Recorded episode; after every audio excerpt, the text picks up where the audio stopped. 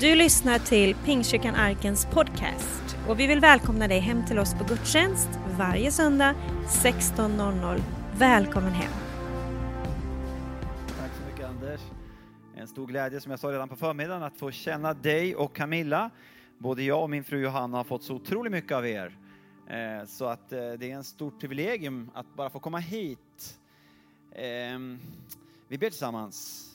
Då tackar vi dig himmelske far att vi får vara här inför ditt ansikte och vi ber att du sänder din heliga Ande just nu. Och tack för Bibeln som är ditt ord.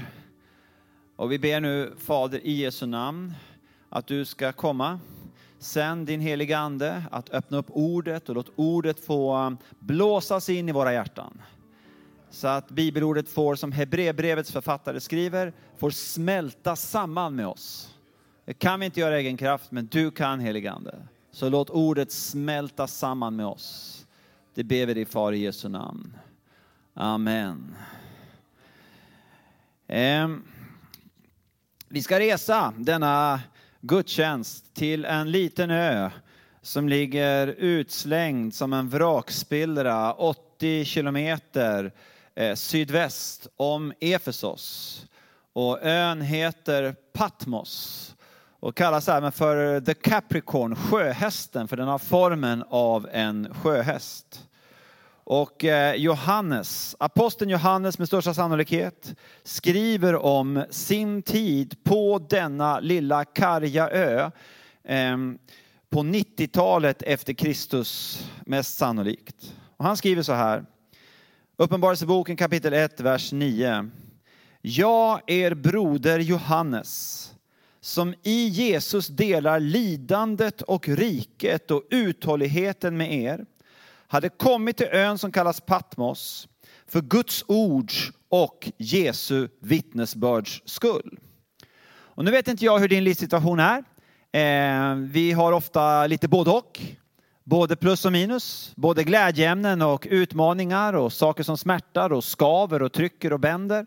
Eh, både saker vi ser klart och saker som ligger i dimma.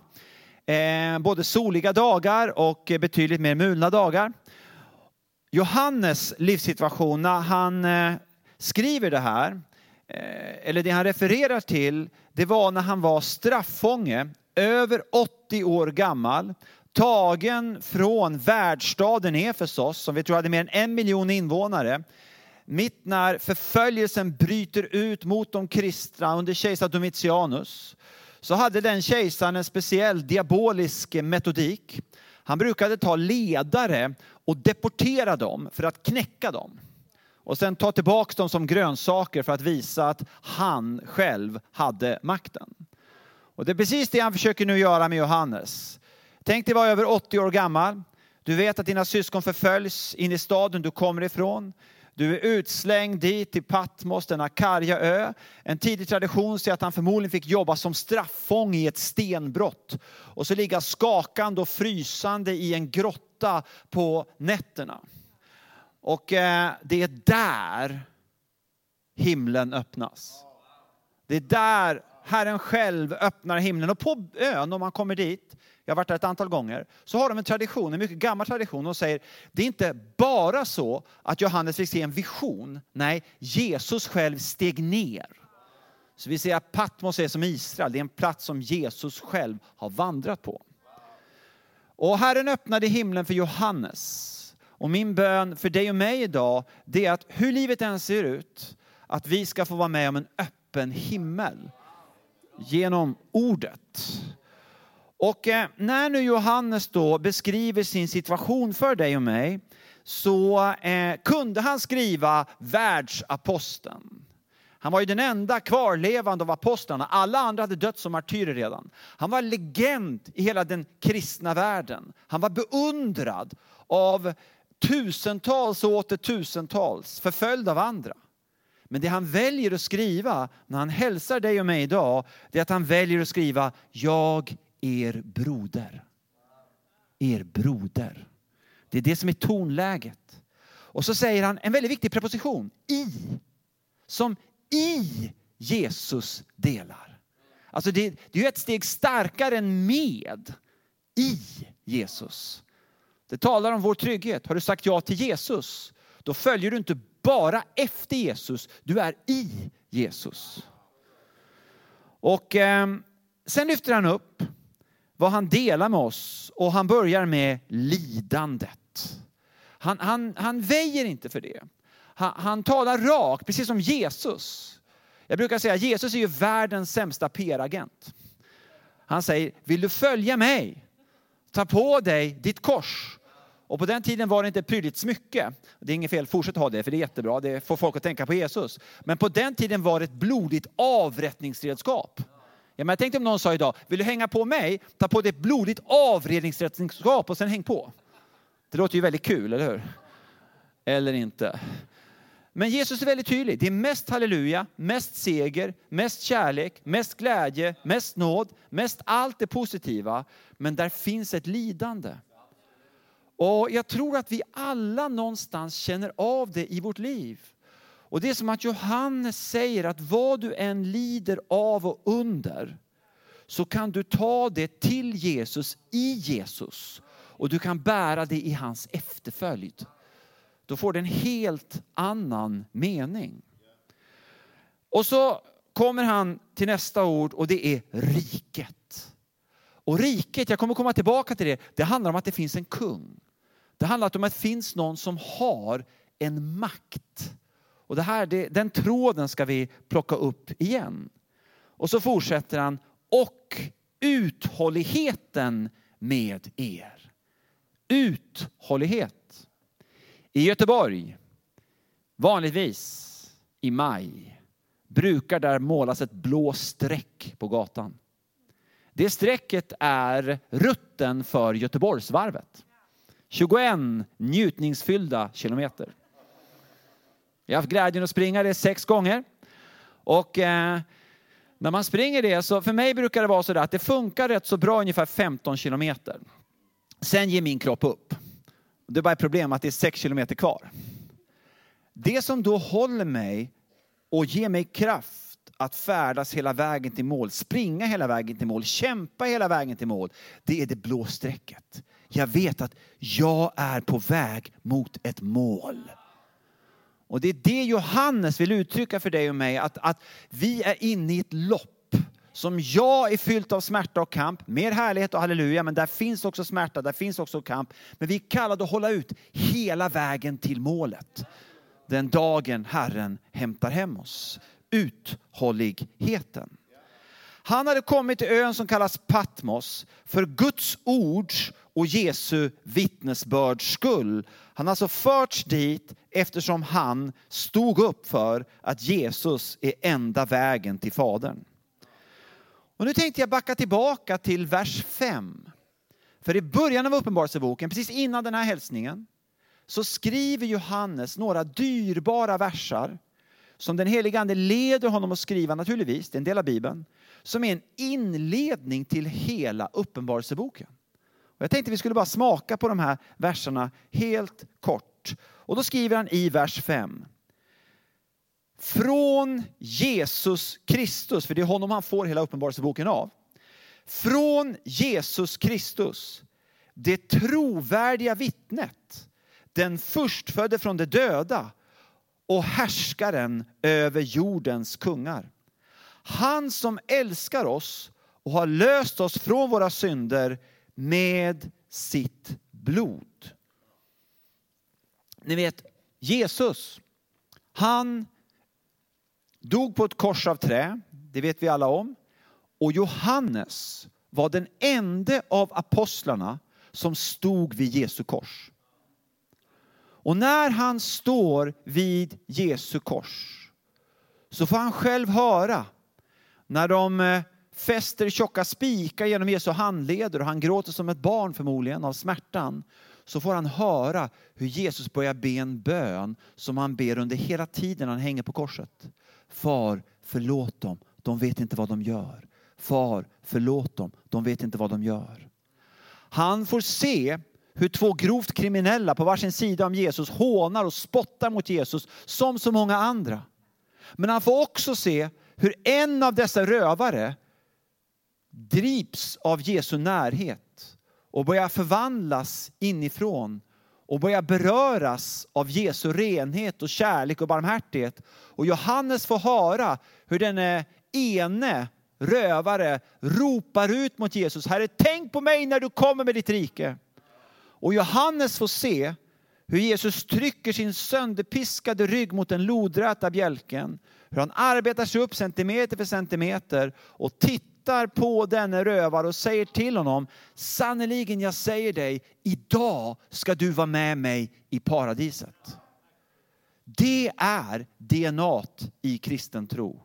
Att Gud har blivit människa, han har dött, betalt priset för hela mänsklighetens synd genom sitt eget blod. Han som är Gud och människa på samma gång. Och det är därför han kunde säga till rövaren, idag ska du vara med mig i paradiset. Och det är därför Johannes skriver här att han på korset löste oss från våra synder med sitt blod.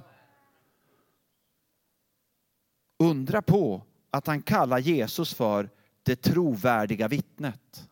Det har att göra med att Jesus, Johannes vet, han som stod vid korset, han var densamme. Han höll ut. Renheten, barmhärtigheten, nåden, kraften, kärleken, förlåtelsen visar att Jesus är äkta till 100 procent. Även när han var genomborrad. Och då är det kanske den första huvudhälsningen. Det var ett kul ord, huvudhälsning. Jag har två. Nummer ett. Jag tror Herren genom sitt ord vill hälsa dig just idag att han har löst dig från dina synder med sitt blod. Och då kan man tänka, men Hans, jag har varit kristen länge, jag vet väl att jag blir förlåten av Jesus. Det är ju självklarheter. Ja, visst, det är självklarheter, men vi har en själafiende, djävulen. Dödsdömd, men inte död. Lögnens fader. Han vet bättre än de flesta kristna att Gud är allsmäktig, att Jesus redan har vunnit segern. För Johannes får strax se Jesus i himlen och höra lejonet av Judas stam har segrat. Han vet om allt det där, men han hatar det. Och han vill angripa just denna sanning att du är förlåten och får ta emot förlåtelse och leva av nåd varenda dag av ditt liv, hur mycket du än har syndat. Jag brukar säga att det är som att den onde försöker ge oss andligt nackspärr. En gång i mitt liv har jag fått nackspärr. Jag fastnar så här. I tre dagar såg jag inget utom mig själv.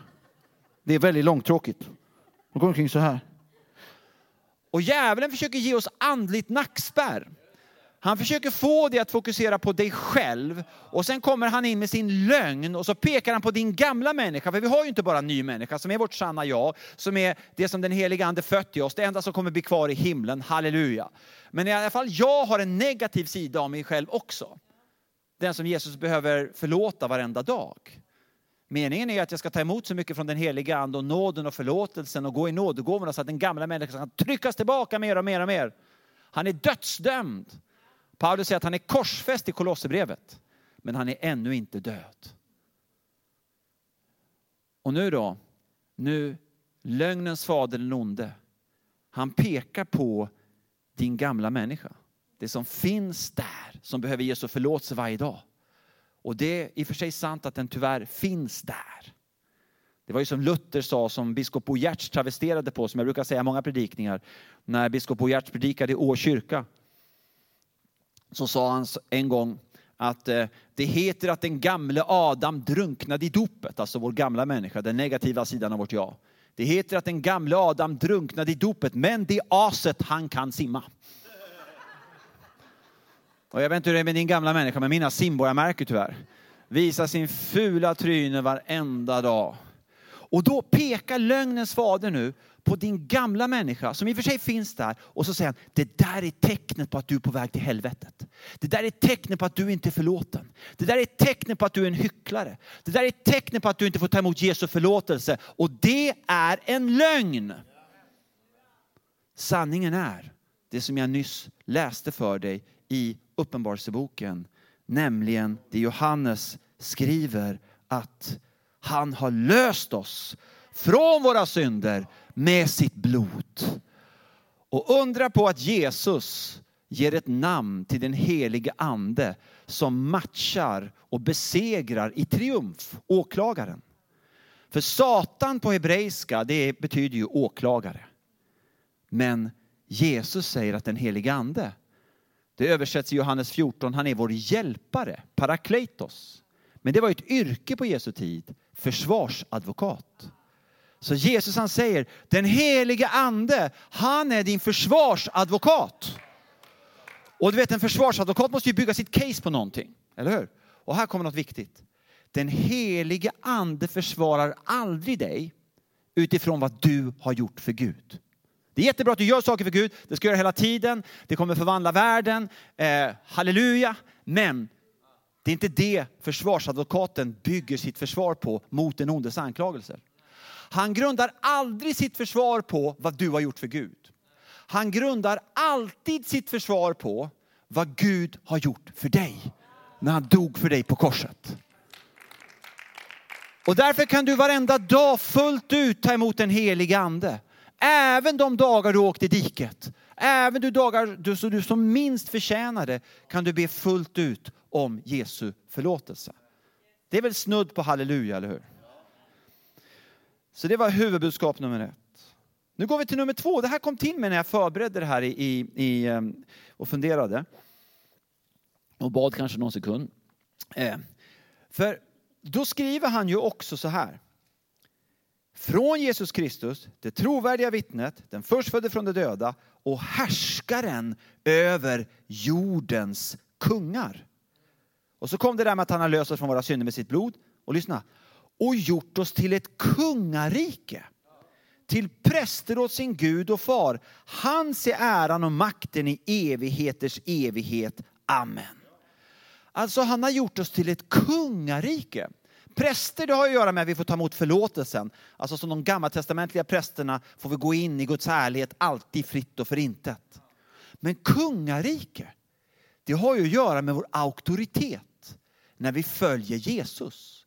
Att vi faktiskt följer honom som är härskaren över jordens kungar.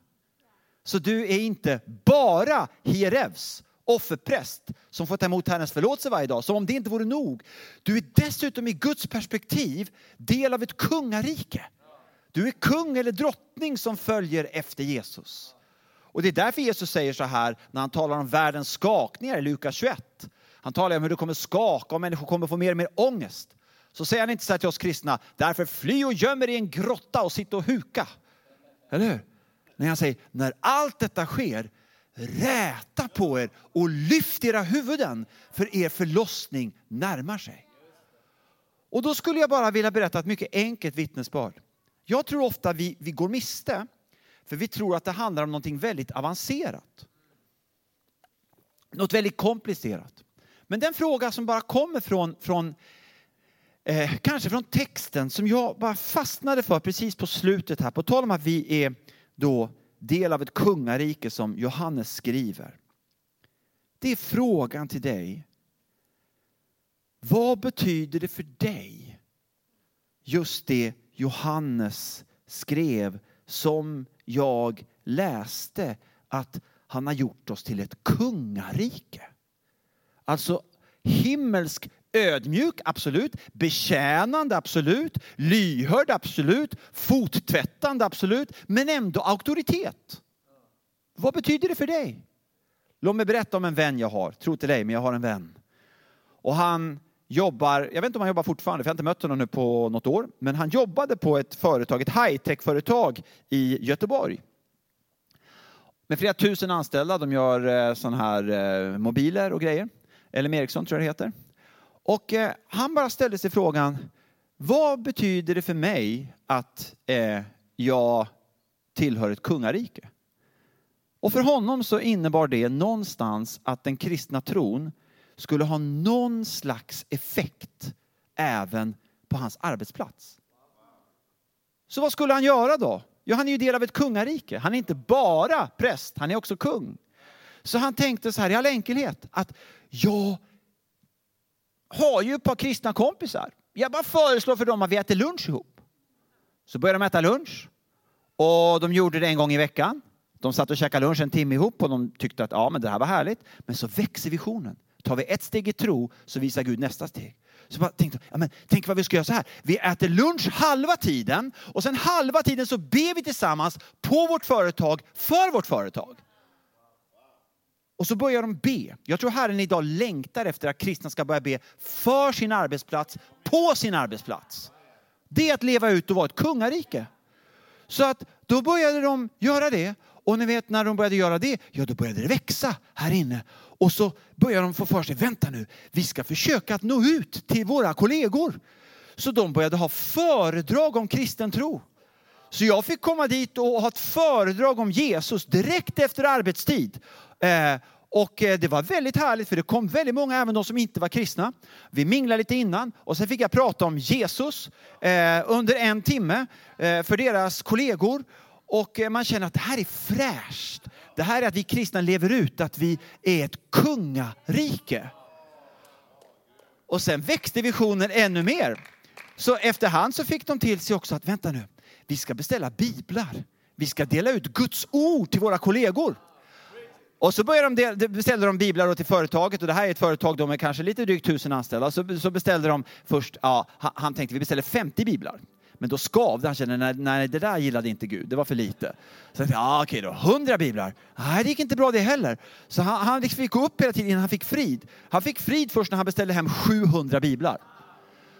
Och så berättade han om när de gick mot entrén på slutet av arbetsdagen och eh, hade med sig 700 pocketbiblar med lite vittnesbörd och hela Nya Testamentet och en del ord från Gamla Testamentet också och, och, och, och, skulle bara erbjuda. Och han hade ångest på väg ner. Men så kom han på, vänta nu, vi är ju ett kungarike. Så han går ner med de här 700 tillsammans med några kollegor och ni vet lite svenskt, så där ställer de sig lite liksom avsides, där man ska inte störa någon. Och så, så tänker de, för se om någon vill ha, eh, ni vet, high-tech ingenjörer som gör mobiler på väg hem. Och han berättade för mig, jag tror han sa att på en halvtimme fick de dela ut 550 biblar.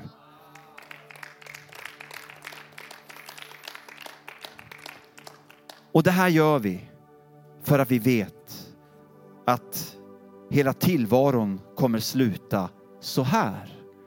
Jag läste nästa vers i Uppenbarelsebokens inledning av den förföljde Johannes. Se, han kommer med molnen och varje öga ska se honom. Mina vänner, du har aldrig sett ett öga som inte en gång frivilligt eller motvilligt kommer att skåda Jesus. Låt oss förbereda dem på hans återkomst. Amen. Du har lyssnat på söndagens predikan från Pingstkyrkan Arken i Värnamo vill du komma i kontakt med oss eh, hittar du oss på arkenvemo.se. Välkommen hem till oss!